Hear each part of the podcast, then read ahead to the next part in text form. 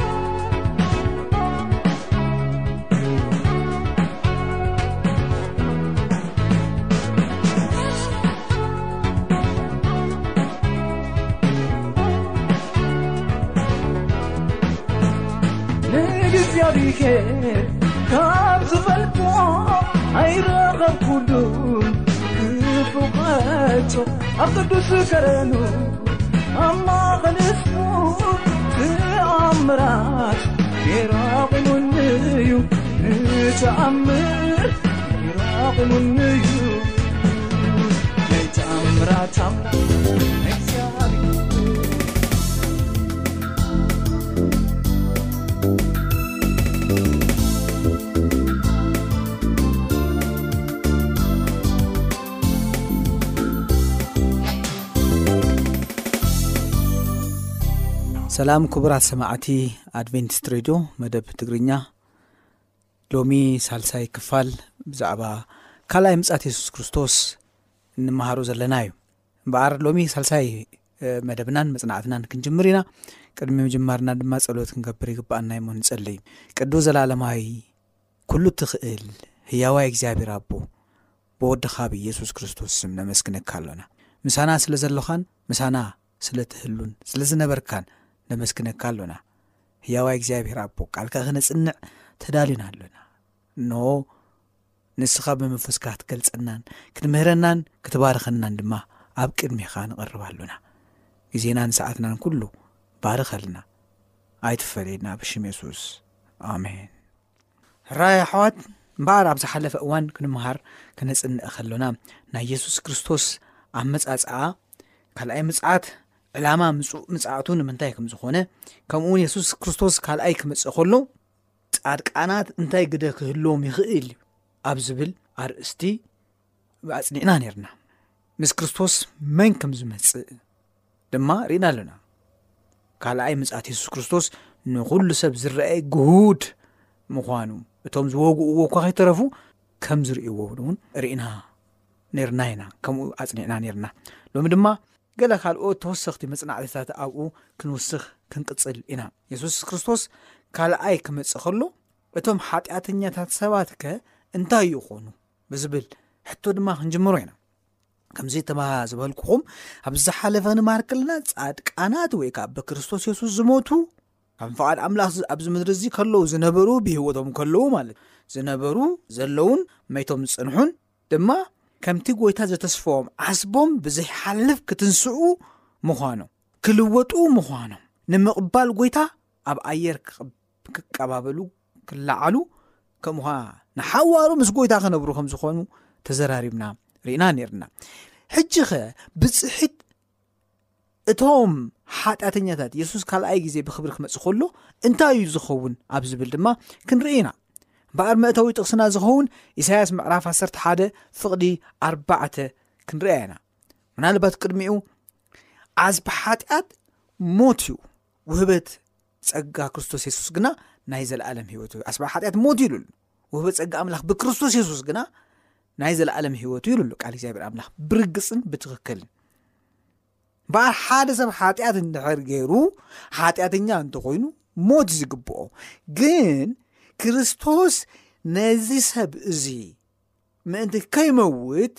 ኣብ ክንድኡ ብምሟት ናይ ጸጋ ወንጌል ምድሓን ብኡ ኣቢሉ ኣምጽኡ እዩ። ናይዚ ምድሓን መፈጸምታን መውሃቢ ዓስብን ድማ የሱስ ክርስቶስ ካልኣይ ግዜ ብኽብሪ ክመጽእ ከሎ ዝኸውን እዩ ስለዚ ብሓጢኣቱ ዝተረኽበ ዘበለው ኩሉ ንዕኡን ከምቲ እንሆ ቅልጢፈ መጽ ኣለኹ ንነፍሲ ወከፍ ከከም ግብሩ ክፍፈድዮ ዓስበይ ምሳዩ ዝተባሃለ ከከም ግብሩ ይፍደህ ማለት እዩ ስለዚ ናይ ጽቡቕ ምግባር ከም ፍቓድ ኣምላኽ ናይ ምንባር ዓስቢ ዝሓለፈ ርኢናዮ ኣሎና ሕጂ ድማ ናይ ክፉእ ናይ ምግባር ክፉእ ኮንካ ናይ ምርካብ ዓስቢ የሱስ ክርስቶስ ክመፅእ ከሎ እንታይ እዩ ዝኸውን እምበኣር ከምቲ ዝጠወስልኩም ኢሳያስ 1 ሓደ ፍቅዲ ኣርባዕተ ግናኸ ንድኻታት ብፅድቂ ክድሃኑ ክድሃኑ ነቶም ዓቃላት ምድሪ ከዓ ብቕንዕና ክብይን ብበትሪ ኣፉ ንምድሪ ክውዕቕዓ ብመንፈስ ከናፍሩ ድማ ንረሲኣን ክቐትሎም እዩ ዋው ክንደይ ብርቱዕ እዩ ቃል እግዚኣብሔር ኣምላኽ ብዛዕባ ኣምላኽ ክነግረና ከሎ ዓይንትኻ እኩይ ንምርኣይ ፅሩያት እየን ይብሉ ዓይንትኻ እኩይ ንምርኣይ ፅሩያት ንስኻ ኢልዎ ንበዳሊ ከም ንፁህ ዘይትርኢ ኣምላኽ ኢሉ ኣብቲ መጋባኢ ኣምላኽ ኣብቲ ፍርዲ ኣምላኽ ኣምላኽ ጻድቕን ሓጥእን ሓዋዊሱ ኣይፈርድን ብዘይ ሚዛን ብሃውሪ እግዚኣብሄር ኣይከይድን እዩ እግዚኣብሄር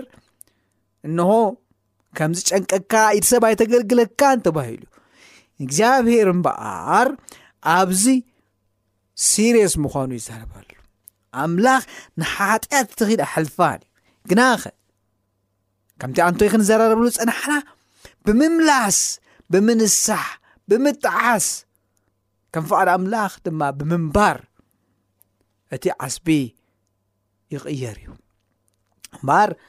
ኣብዚ ንረሲኣን ብመንፈስ ከናፍሩ ድማ ኢልዎ ኣሎ ክቐትሎም እዩ ብበትሪ ዓፉ ድማ ንምድሪ ክወቓዓ እዩ ምድሪ እውን ተረጊማ ኣላ እምበኣር እዚ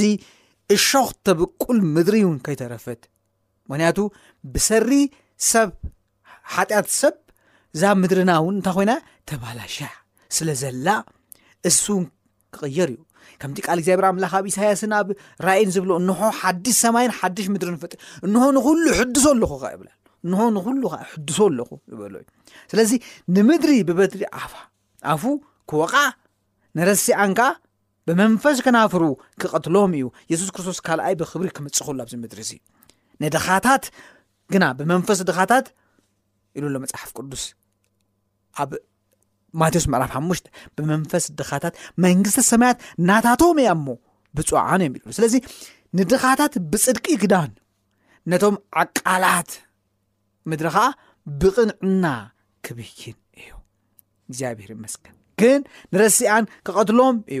ብመንፈስ ከናፍሩ ንምድሪ ከዓ እንታ ክገብራ እዩ ክወቕዓ ከም ዝኾነ ቃል እግዚኣብሔር ኣምላኽ ኣብዚ ብትኽክል ይዛረበና ኣሎ ኤርምያስ ምዕራፍ 25 ፍቕዲ 33 ከድና ድማ ንድሕራ ኣንቢብና በታ መዓልቲ እቲኣቶም ቅቱላት እግዚኣብሔር ካብ ወሰን ምድሪ ክሳዕ ወሰን ምድሪ ለም ክብሉ እዮም ኣብ ዝባን ምድሪ ንደኹዒ ክኾኑ እዮም እምበር ኣይክብከዮምን እዩ ኣይክእከቡን ኣይክቕበሩን ድማ እዩ ይብል ቃል እግዚኣብሔር ኣምላኽ ኤርምያስ ምዕራፍ 25 ፍቕዲ 33 ኣንቢብናዮ እምበኣር በቲ መዓልቲ እቲ እቲኣ ቅቱላት እግዚኣብሔር ካብ ወሰን ምድሪ ክሳብ ወሰን ምድሪ ለም ክብሉ ከም ዝኾኑ ይዛረብ ኣሎ ኣብ ምድሪ ክኾኑ እዮም ኣይክትስኡን እዮም ኣይክብከዮምን እዮም ኣይክቕበሩን ድማ እዮም ኢሉ ኣሎ ምክንያቱ መን ሃልዩ ንመን ክቐብር መን ፀኒሑ ንመን ከዓ ክኣሊ ኣብዚ ይብሉ ኣሎ ስለዚ ኩሎም እቶም ርስያን ከምቲ ኣብ ልዕሊ ና ዝረኣናዮ ብመንፈስ ከናፍሩ ዝውዕቆም ንሳቶም ከዓ እንታይ ክኾኑ እዮም ከምኡ ክኾኑ እዮም ኣብ ዝማር ምድሪ ንደኹዑ ይኸም ኣብኡ ክምሽሙሽ ኣብኡ ክብስብሶ እዮም ኣብኡ ክፀንሑ እዮም ይብል ኣሎ ስለዚ ናይ የሱስ ክርስቶስ ካልኣይ ምጽኣት ንሓጢኣተኛታት ብኸምዚ ገይሩ ይጸሎም እዩ ነቶም ጻድቃናት ግን ኣብ ዝሓለፎም ዝረኣናዮ ንድኻታት ብጽድቂ ክዳኒ ነቶም ዓቃላት ምድሪ ከዓ ብቕንዕና ክብይን እዩ ይብል ኣሎ እግዚኣብሄር እግዚኣብሄር እዚ ዝገብረሉ ምክንያት ኣለዎ እግዚኣብሄር ኣቐዲሙ ተዛሪቡ እዩ ኣሕዋተይን ኣሓተይን ኣነ ንስኻትኩምን ክንዲ መጠን እቲ ናይ ዕድሜና ግዜ ምሕረት ተዋሂብና ኣሎና እዚ ክንድዚ ዝኣክል ናይ ምሕረት ግዜና ኩሉ ተመለስ ተነሳሕ ከም ፍቓድ ኣምላኽ ንበር እቲ ኣምላኽ ዘዳለወልካ ጸጋን በረኸትን ተቐበል ብሰላም ንበር ዝብል መልእኽቲ ተደጋጊሙ ኣብ እዝንና ይስማዕ ኣሎ ተደጋጊሙ ካብ ጎረባብትና ተደጋጊሙ ኣብ ከባቢና ይስማዕ ኣሎ ተደጋጊሙ ኣብ ስራሕ ቦታታትና ኩሉ ይስማዕ ኣሎ ነዚ ኩሉ ተደጋጊሙ ኣብ እዘና ዝመፀ ናብ ልብና ስለዘይሓትሉ ስለዘይቋፀርናሉ ስለዘይተቐበልናዩ ስለዘይኣመናሉ ስለዘይተለወጥናን ስለዘይተቐይርናን ከምቲ ቃል እግዚኣብሔር ኣምላኽ ዝብሎ ንዝባን ምድሪ ድኹኡ ክኾኑ እዮም እምበር ኣይክብከዮምን ኣይክእከቡን ኣይክቕበሩን ድማ እዮም ይብል ቅዱሳት ሰባት ኣብ መፅሓፍ ቅዱስ ዝነበሩ ክሞቱ ከለዉ ሞተይ ነብሰይ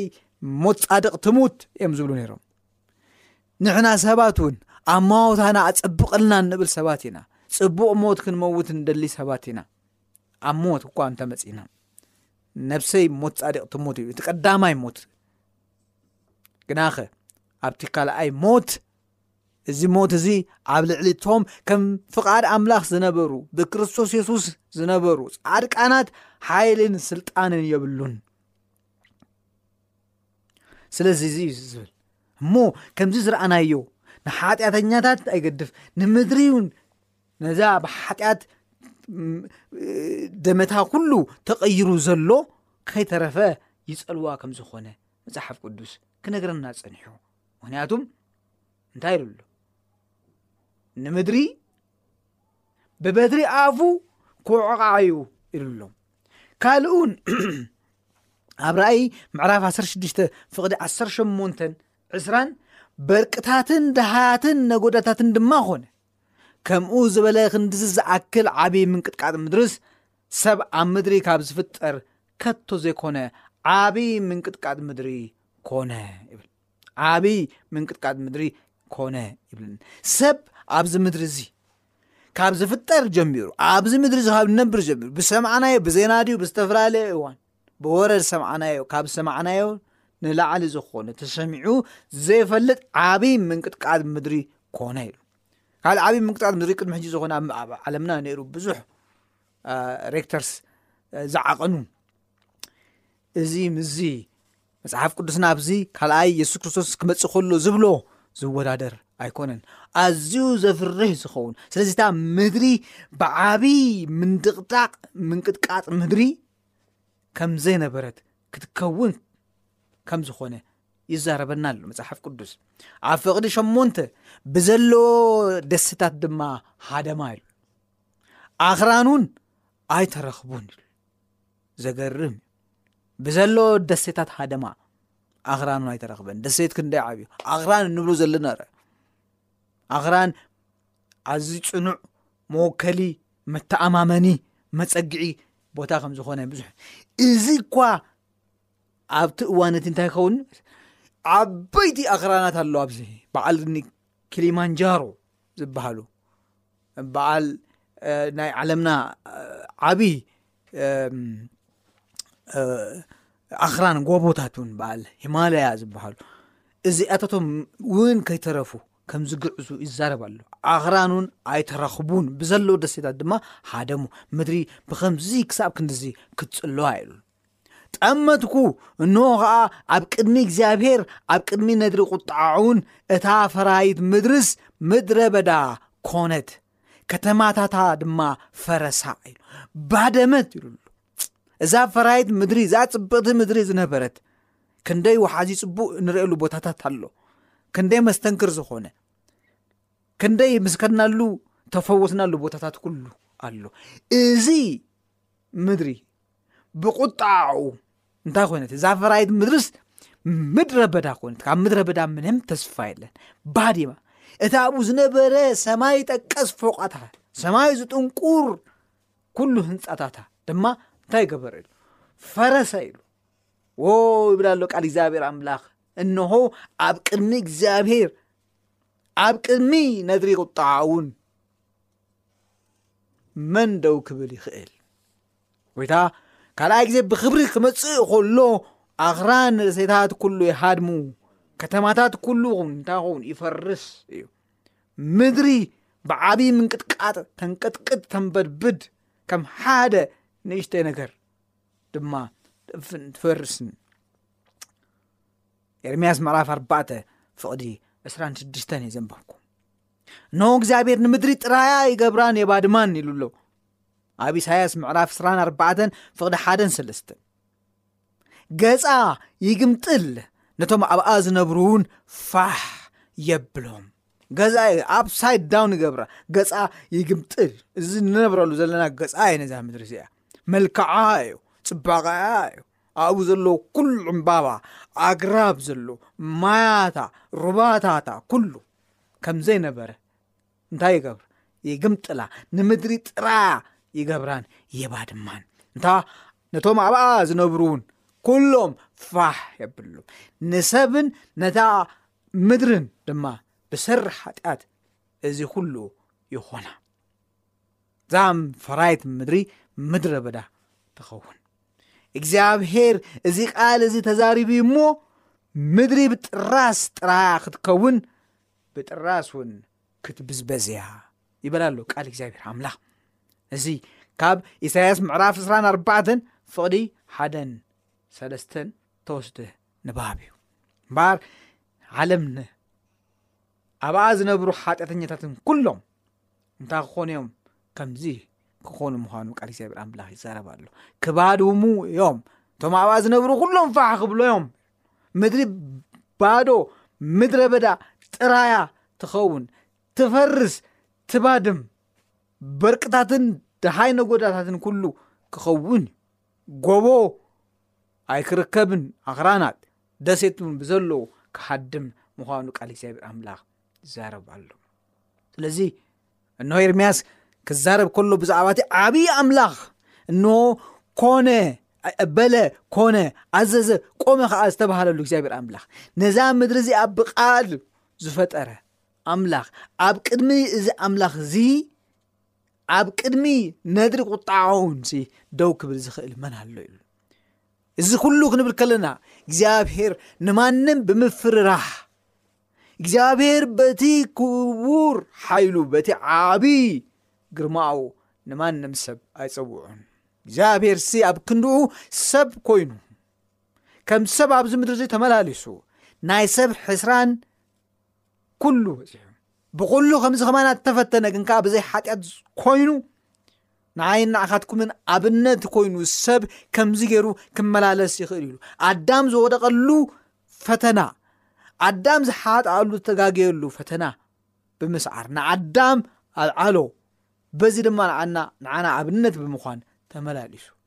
ኣብ መወዳእቶ እውን ከምቲ ዝሓለፈ ዝተምሃርናዮ ኣብ ዙፋን ጸግኡ ብትብዓት ክንቀርብ ዓዲምና ቅድሚ ኣብ ዙፋን ክብሪ ምንቅጥቃጥና ምንብድባድና ስለዚ እዚ ኩሉ ዝኸውን ዘሎ ጎይታ ኣብ ዝፋን ጸግዑ ጸውዑ ከብቅዕ ከሎ እዩ ኣብ ዝፋን ክብሪ ግና ከምዚ ኣመሰለ ነገራት የልቦን ስለዚ ኣሕዋተ ሎሚ እውን እዚ ከነስተውዕሎ ከም ሓወይ ምሳኹም ኮይነ እላቦኩም እምበኣር ክንቅጽል ከሎና የሱስ ካልኣይ ብኽብሪ ክመጽእ ምዃኑ ማንም ክሕዞ ከም ዘይክእል ደው ከብሎ ከም ዘይክእል ብዘይፍልጠት ንምኽሪ ኣምላኽ ሓደ እኳ ከጸልምቶ ከም ዘይክእል ቃል እግዚኣብሔር ኣምላኽ ይዛረበና ኣሎ እዚ ክንብል ከሉና ናይ የሱስ ክርስቶስ ምጽኣት ሎሚ ክንደይ ኣዝዩ ቀረባ እዩ ከመይ ጌርና ከነስተውዕሎ ድማ ንኽእል መጽሓፍ ቅዱስ ብዛዕባ ምቕራብ ምጽኣት የሱስ ክርስቶስ ንጹር ሓበሬታ ይህበና እዩ ኣሕዋተይ ኣዝዩ ቀሪቡ ከም ዘሎ ጎይታ ክመጽእ ኣብ ኣፍ ደገ ደው ኢሉ ከም ዘሎ ምልክታት ኩሉ ይነግር ኣሎ እወ የሱስ እኳ ባዕሉ ከምዚ ኢሉ ተዛሪቡ ነይሩ እዩ ከምኡ ድማ ኢሉ ንስኻትኩም እዚ ኩሉ ምስ ረኢኹም ናብ ኣፍ ቤት ምቕራቡ ፍለጡ ኢሉ ኣሎ ከምኡ ከዓ ንስኻትኩም ኢሉ ኣሎ እዚ ኩሉ ምስ ረኢኹም ህዝቢ ኣብ ልዕሊ ሕዝቢ ምስ ተልዓለ ሓማት ኣብ ልዕሊ ሰይቲ ወዲ ሰይቲ ወዲ ኣብ ልዕሊ ሓማት ምስ ተለዓለት ጥበራን ምትላን ምስ በዝሐ ምክሓሓድ ምስ በፅሐ ምስ መፀ ስደትን መከራን ምስ ኮነ እቲ ኣብ ማቴዎስ ወንጌል 24 ተዘርዚሩ ወይም ኣብ ሉቃስ 21 ወይም ኣብ 13 ማርቆስ ብፍሉይ ተዘርዚሩ ዘሎ ኩሉ ነገራት ክኸውን ምስ ጀመረ ውግእን ወረ ውግእን ምስ ሰማዕኹ እዚ ክኸውን ምስ ጀመረ እዚ ኩሉ ምስ ርእኹም ኢሉ ኣሎ ኣብ ኣፍ ቤት ምቕራቡ ፍለጡ ማቴዎስ ምዕራፍ 24 ፍቕዲ 33 ስለዚ ጎይታና ንኹለን ነተን ካብዚ ካብቲ ዝዓረገሉ ግዜ ጀሚሩ ኣብ ከረን ደብረ ዘይቲ ክዛረብ ከሎ ኣብ ከረን ዘይቲ ክዛረብ ከሎ ናይ መወዳእታ ስራሕ ናይ መወዳእታ ዕማም ኮሚሽን ኣብ ዝሃበሉ እዋን ዝተዛረበን ጀሚሩ ክሳብ ካልኣይ ምጽኣቱ ንዘለዋ ኩለን ምልክታት ምጽኣት የሱስ ክርስቶስ ኣብ ማቴዎስ ምዕራፍ 24 ኣስፊርልናን ገሊጹልናን ይርከብ ኣሎ ካበይ ጀሚርና ካብቲ የሱስ ክርስቶስ ዝዓረገሉ ክሳብ ካልኣይ ምጽኣቱ ክኾኑ ንዘለዎም ክፍጸሙ ንዘለዎም ምልክታት ምጽኣት የሱስ ክርስቶስ ተዛሪቡለን ኣሎ ንሳተን እምበኣር በብሓደ ክንዘራረበለን ንኽእል ኢና ነፍሲ ወከፈን እንታይ ከም ዝኾና ከመይ ከም ዝኾና ክንርእየን ንኽእል ኢና እምበኣር ኣብ ዝቕፅል ነዚ ራብኣይ ክፋል ክንርኢ ከሎና ነፍሲ ወከፍ ኣብቲ ኣብ ማቴዎስ ወንጌል ምዕራፍ 24ተን ተጠቒሶም ንዘለዉ ፍፃሜታት ምልክታት ምፅኣት የሱስ ክርስቶስ በብሓደ ተፈፂሞም ድኦም ኣይተፈፀሙን መዓዝ ክፍፀሙ እዮም ከመይ ብዝበለ ኣገባብ ከተፈፂሞም ወይ ከዓ ክፍፀሙ ይኽእሉ ኣብ ዝብል ብሓባር ኮና ከነፅንዕ ኢና እሞ ክሳብ ሽዑ ማቴዎስ ምዕራፍ ዕስራን ኣርባዕተን ሉቃስ ምዕራፍ ዕስራን ሓደን ከምኡ ኸዓ ማርቆስ ምዕራፍ ዓሰርተ ሰለስተ ከተንብቡ ከተጽንዕዎ ንላበኩም እምበኣር እግዚኣብሔር ኣምላኽ ምስ ኩላህና ይኹን ከምቲ ቃሉ ዝበሎ ክርስቶስ የሱስ ዳግም ብኽብሪ ክመጽእ እዩ ኣምላኽ ይባርኩም ኣብ ዝቕጽል ብሰላም እራኽበና ጸጋ ኣምላኽ ፍቕሪ መንፈስ ቅዱስ ዝኩላህና ይኹን ኣምላኽ ይባርኩም ሃረሪ ለጽበ ኩሉ ንኽልወት ብናይ ትእዛዝ ድርታን ብድምፂ መለኸት ካብ ሰማይ